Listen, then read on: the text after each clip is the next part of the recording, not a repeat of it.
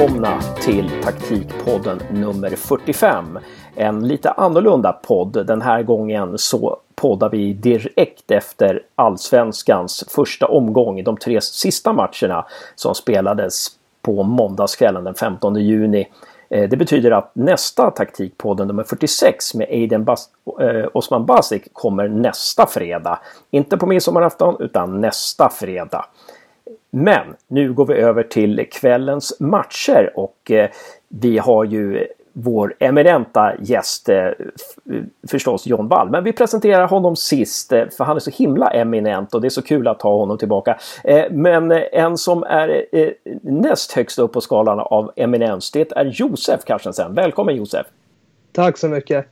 Jag tror väl egentligen att jag är längst ner på den där skalan kontra er två men ja, det, detta ska bli kul som vanligt.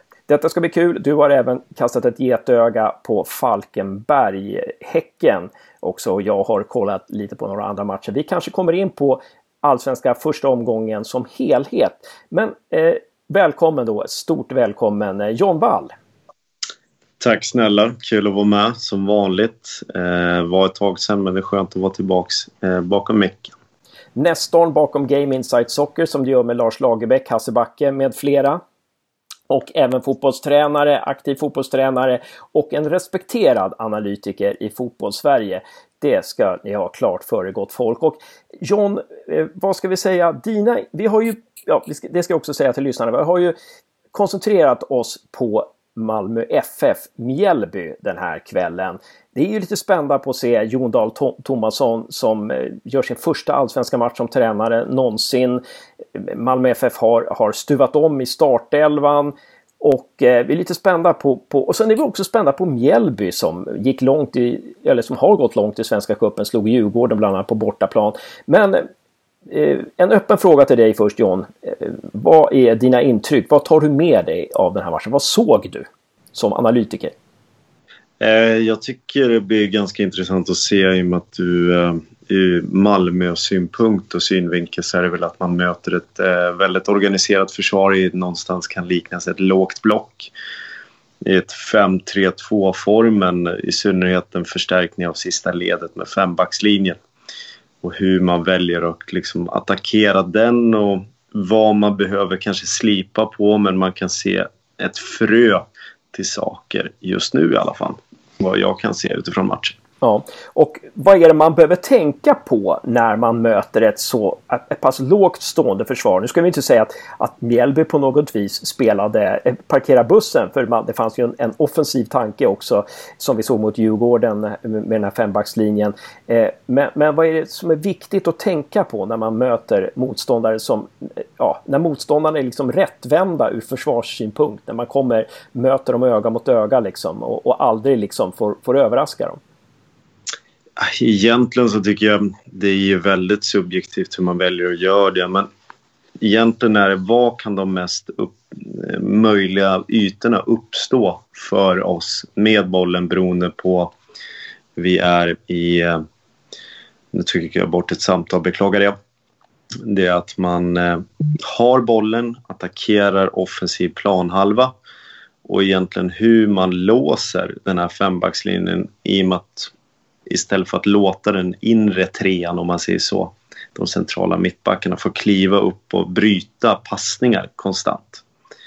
Och egentligen hur man kan låsa dem och i det här Malmös fall så vill man ju definitivt på bollsidan komma åt ytan framför forwards, alltså inte bakom motståndarens backlinje utan ifrån ytan framför kunna få ett upp tillbaka igenom, möjligen eller möjligen få ett tillbakaspel till Christiansen och få den bortre forwarden alternativt någon annan spelare som kan löpa in bakom. Så att det var ingen slump att Christiansen gör 1-0 ifrån den position han gör det? Nej, absolut inte. Utan det är den ytan han ska sättas i och samtidigt så är det som föregår det är väl inte ens, om det inte är helt fel, att det är en spelvändning som sker och att man får den därefter ut, in och till, får, då får han sin yta som han egentligen är kanske i särklass bäst på i Allsvenskan. Nu görs ju målen eh, i andra halvlek. Kan det vara så att det inte är någon slump att Malmö avgör i andra halvlek, att Mjällbys sätt att spela kräver eh, ganska stor organisation eh, och eh, och när man börjar bli lite trött så, så tummar man eller slarvar i vissa moment, eller? Egentligen är man kan absolut välja att spela hur man vill. Eh, men det är ju snarare att du får ett mer viktat förhållande mot när du inte har bollen, alltså försvara på det sättet kontra när du har bollen. Men hamnar du bara i en fas av att du vinner bollen och söker en direkt omställning så blir det ju också ganska energikrävande till slut. Du får ju aldrig spela ett, ett etablerat anfallsspel på offensiv planhalva och få en möjlighet att i folkmun egentligen vila med bollen. Och det är väl den egentligen... Det blev inte tillräckligt viktat förhållande där egentligen. Och det är väl där egentligen Malmö fortsatt maler och egentligen fortsatt gör sin idé och återtar den relativt snabbt också. Mm. Eh, Malmös press. Eh, jag, jag tänkte, jag föreställde mig själv i Mjällbys spelarnas tröjor ibland och Malmös press var väldigt bra eh, emellanåt eh, och man hade inte många sekunder med bollen om man säger så. Eh, om vi går till det här Tomassons, det har varit mycket spekulationer kring det här Tomasson eh, versus eh, Ove Rössler. Vad är det du ser att Tomasson vill göra om man jämför med Rössler? Några stora skillnader där? Egentligen så är det väl att han eh, vill bygga ett mer, en större nyans i sitt spel. Upplever jag. Nu upplever jag Ove som ganska försvarsstark för det, siffrorna talar ju sitt tydliga språk där. Tillika med kvalificeringen i vidare Euroleague. Så att eh, egentligen så tycker jag att det är större nyanser och en större repertoar i spelet upplever jag. Eh, så att det är väl där jag tycker att lär sig Malmö behärska det här i större omfattning så kan det här sluta väldigt positivt. Men det märks ju ganska tydligt nu att, och det kommer vara så på hela allsvenskan, det som syns också väldigt tydligt i Bundesliga när det är startat, att timing är ju en bristfaktor just nu. Det är ungefär som en, en, en ny försäsong och saker ska börja repeteras igen och förtydligas. Ja, det där ser man. Och det är ju inte bara det timing eh, när man tar emot boll eller bollen studsar när man tar emot den. Timing, det är ju timing när jag ska pressa, när jag ska löpa eh, och så vidare. När jag ska överlappa och så vidare. Men det, för oss som inte kan så mycket om fotboll Eh, John, om du förklarar vad, vad, är det, vad är det som gör att du ser den här potentialen, en större potential i det här spel, eh, spelet än, än Ove Rösslers spel? Kan du ta, ta något exempel? Eh, det behöver inte vara ett faktiskt exempel, men till exempel, ja, ja om du förstår vad jag menar. Eh, jag tycker det är egentligen om vi kan skilja, vi tar planen och delar på den i mitten och då pratar vi inte offensiv och defensiv planhalva utan tar mittpunkten och så drar vi en skiljelinje och pratar höger och vänstersida men egentligen då bollsida, icke bollsida. Och där egentligen är att vad den bortre spelaren gör oavsett om det är en forward i det här läget om man spelar i en form någonstans 4-2-3-1 eller 4-3-3, det är vilket som man kallar det så är det egentligen den mobiliteten och vad den spelaren gör på icke bollsida, det är inte riktigt där än. Men att man redan nu tycker jag har löst bollsida relativt väl. Men det är fortfarande bollhållare, högsta spelare. Jag tror att involverandet av fler spelare för att få åt, komma åt den här ytan framför det här låga försvaret. Och till skillnad från vad många expert, en viss expertkommentator eller vissa tycker så tycker jag fortfarande att vid ett lågt spelande försvar så handlar det inte om att skapa ytan bakom indirekt utan det är först att dra isär i sidled för att skapa tillräckligt bra hål för bra inträden. Och den komplexiteten, när den börjar uppstå men det har blivit enkelt för spelarna, bollsida, icke bollsida, så kan det hända ganska raffinerade saker. Kan du ge helt, plötsligt, helt plötsligt så kan man börja spela på tredje eller fjärde eller till och med femte spelare. Kan du ge ett exempel på hur ett lag lyckas med att dra isär ett lågt försvar? Om vi leker med att and, eh, säga att det är eh, Lewicki som har bollen och Christiansen är kanske ovanför för att vi har den här matchen ganska nära. Så spelar då Lewicki förbi upp till forward av att exempelvis att det är Gish Molin som kommer in i ytan mellan central mittback och därefter ja, mittemellan centrala mittbacken och vänster mittback. Forwarden på den drar isär för att komma ur och ge lite bredd. Förmodligen ruckar du på den centrala mittbacken lite grann. Är någonstans för att de vill förhindra att passning går rakt igenom.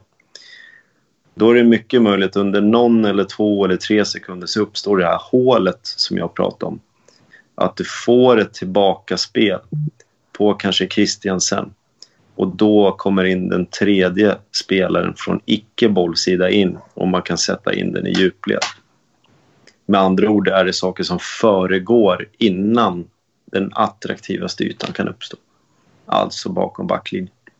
Just det, så det handlar, det är inte bara som man pratar om på Dplay där att Eh, experterna där att, att Malmö söker ytan mellan mittfält och försvar eller framför backlinjen utan det handlar väldigt mycket om bollsida, icke bollsida. Det handlar om att vad de som inte har bollen gör. Eh, det vill säga att de försöker dra isär eh, eh och skapa oreda ja. ja. Och det, det här är ju den största grejen i svensk fotboll för att vi har, vi har fostrat en generation och flera generationer av spelare som bara, den enda referenspunkten är bollen och spelarna som har bollen. Så med andra ord så har vi ett gäng iPhones som springer runt och tittar egentligen där ute. Och när man kan komma upp ur det och kommunicera och se fler referenspunkter i spelet för att komma in i den ytan som det krävs och vad egentligen det går ut på hela spelet. Alltså gör mer mål än motståndare. Mm. Så den stora skillnaden mellan Tomasson och Rössler är att Tomasson jobbar mer aktivt med eh, icke-bollsida, eh, mer rörelse för att dra isär motståndarna. Ja. Mm. Intressant. Eh, då har vi pratat om Malmö ganska mycket. Vi, vi kanske ska säga... Jag, tänker, jag, jag har en till fråga där på mm. Eh, Malmö. I och med att både Rössler och Tomasson är internationella tränare. Mm. Eh, märk, hur märks det när du möter svenska tränare och svenska lag? Ja, för att göra det väldigt obekvämt för oss svenska tränare, om vi ska ta det så, men det är väl egentligen att vårt spel, den svenska dynamiken i spelet är ju så frapperande dålig. Med andra ord så uppstår det egentligen bara uppspel och därefter genombrott och målchans. Vi har inte fler saker som uppstår och det vi behöver egentligen är att det här är en väldigt stor fråga. Nu kast, kastar jag ut den men dynamiken i spelet blir aldrig presenterat för spelare i yngre år.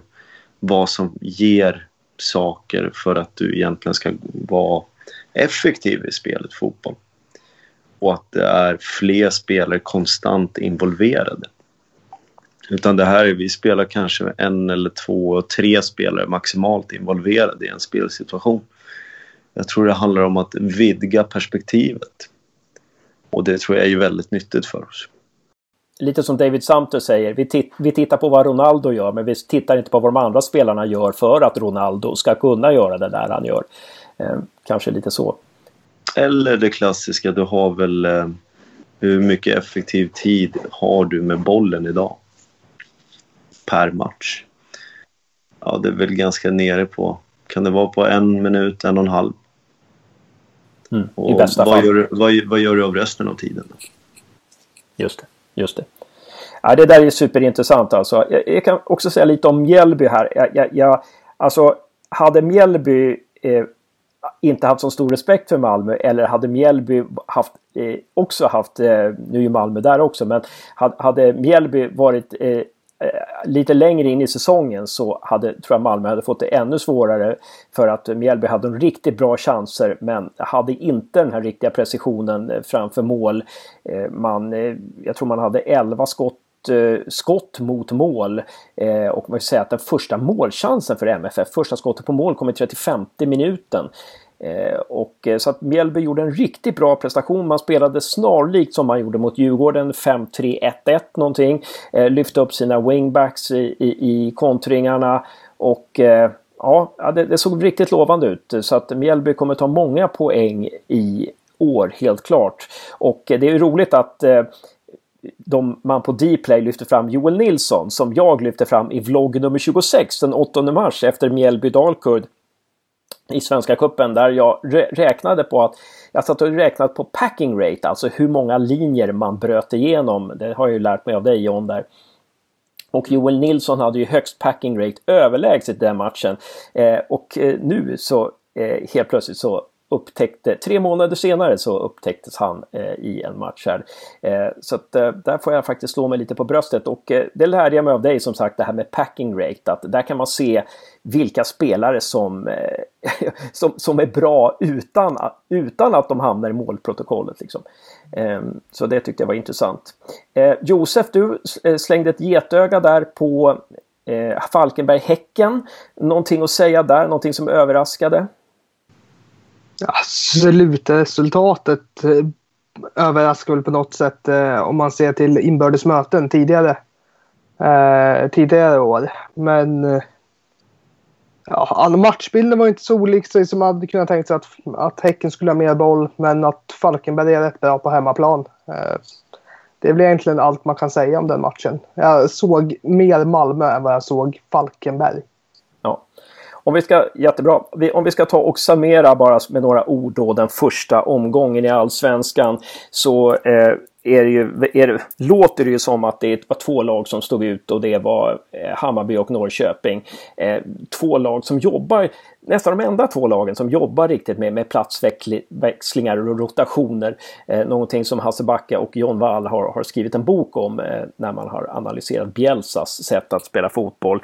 Ehm, överraskande att Helsingborg åker på däng mot Varberg hemma med 3-0. 0-1 hade vi förstått, men 3-0. Eh, dessutom, dessutom tror jag Josef, du sa att eh, Varberg hade skott i stolpen eller något sånt där i den matchen. Eh, så att eh, eh, AIK tröttar ut Örebro. Det var ingen stor match eh, det. Jag såg den fläckvis men eh, eh AIK är återigen väldigt bra organiserat. Eh, IFK Göteborg Eh, jag, jag, hörde där att Josef hade sett att BB Jocke hade eh, pratat på Twitter om att eh, Göteborg inte presterade bra. Jag tycker att, eh, jag tycker att det finns tendenser i IFK Göteborgs spel faktiskt som lovar väldigt gott. Eh, så att jag tror man snabbt kommer komma tillbaka från den förlusten. Sirius var faktiskt bättre än vad siffrorna säger mot Djurgården. Men Djurgården vann med 2-0 och ni som inte lyssnade på vår senaste podd där jag inför allsvenskan tippade allsvenska vinnarna. Ni vet inte att jag eh, har tippat Djurgården som SM-vinnare. Jag tror man vinner SM eh, för andra året i rad. Eh, och man inledde ju lovande där. Någonting mer som ni vill tillägga, Josef eller John, om den första omgången i Allsvenskan 2020? Det är nu man egentligen sätter en pust och det är, känns skönt att det är, äntligen är igång. Är det så? Eh, liksom en uns av så när normalitet vi kan komma i pandemins tecken. jag kan väl lyfta in att jag är inte så förvånad över att Varberg går och vinner med 3-0. Eh, eller att de går och vinner överhuvudtaget. Eh, det känns som att man underskattar Varberg inför, säsong, inför säsongen då man har sett många förhandstips som har tippat ner dem ordentligt. Men jag tror att man underskattar hur bra Astrid Selmani är.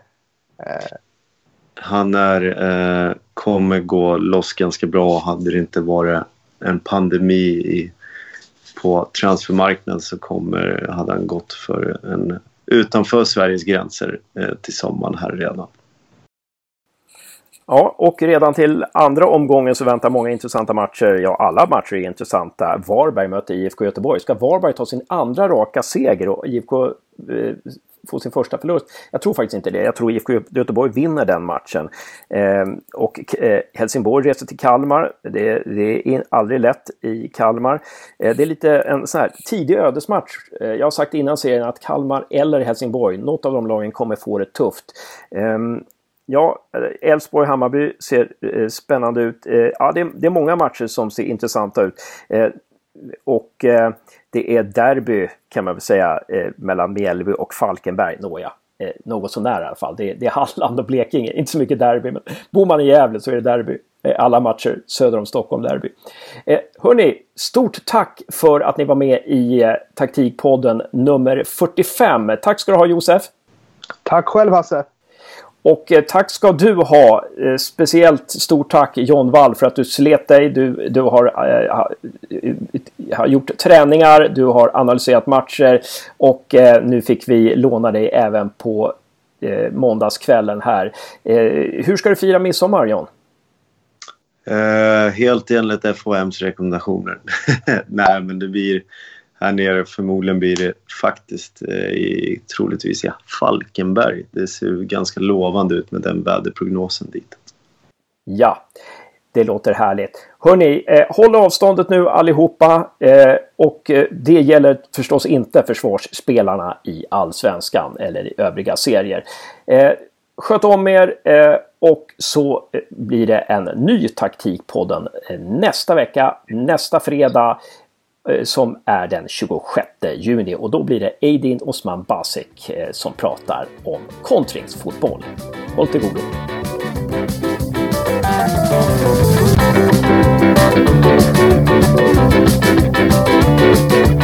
Thank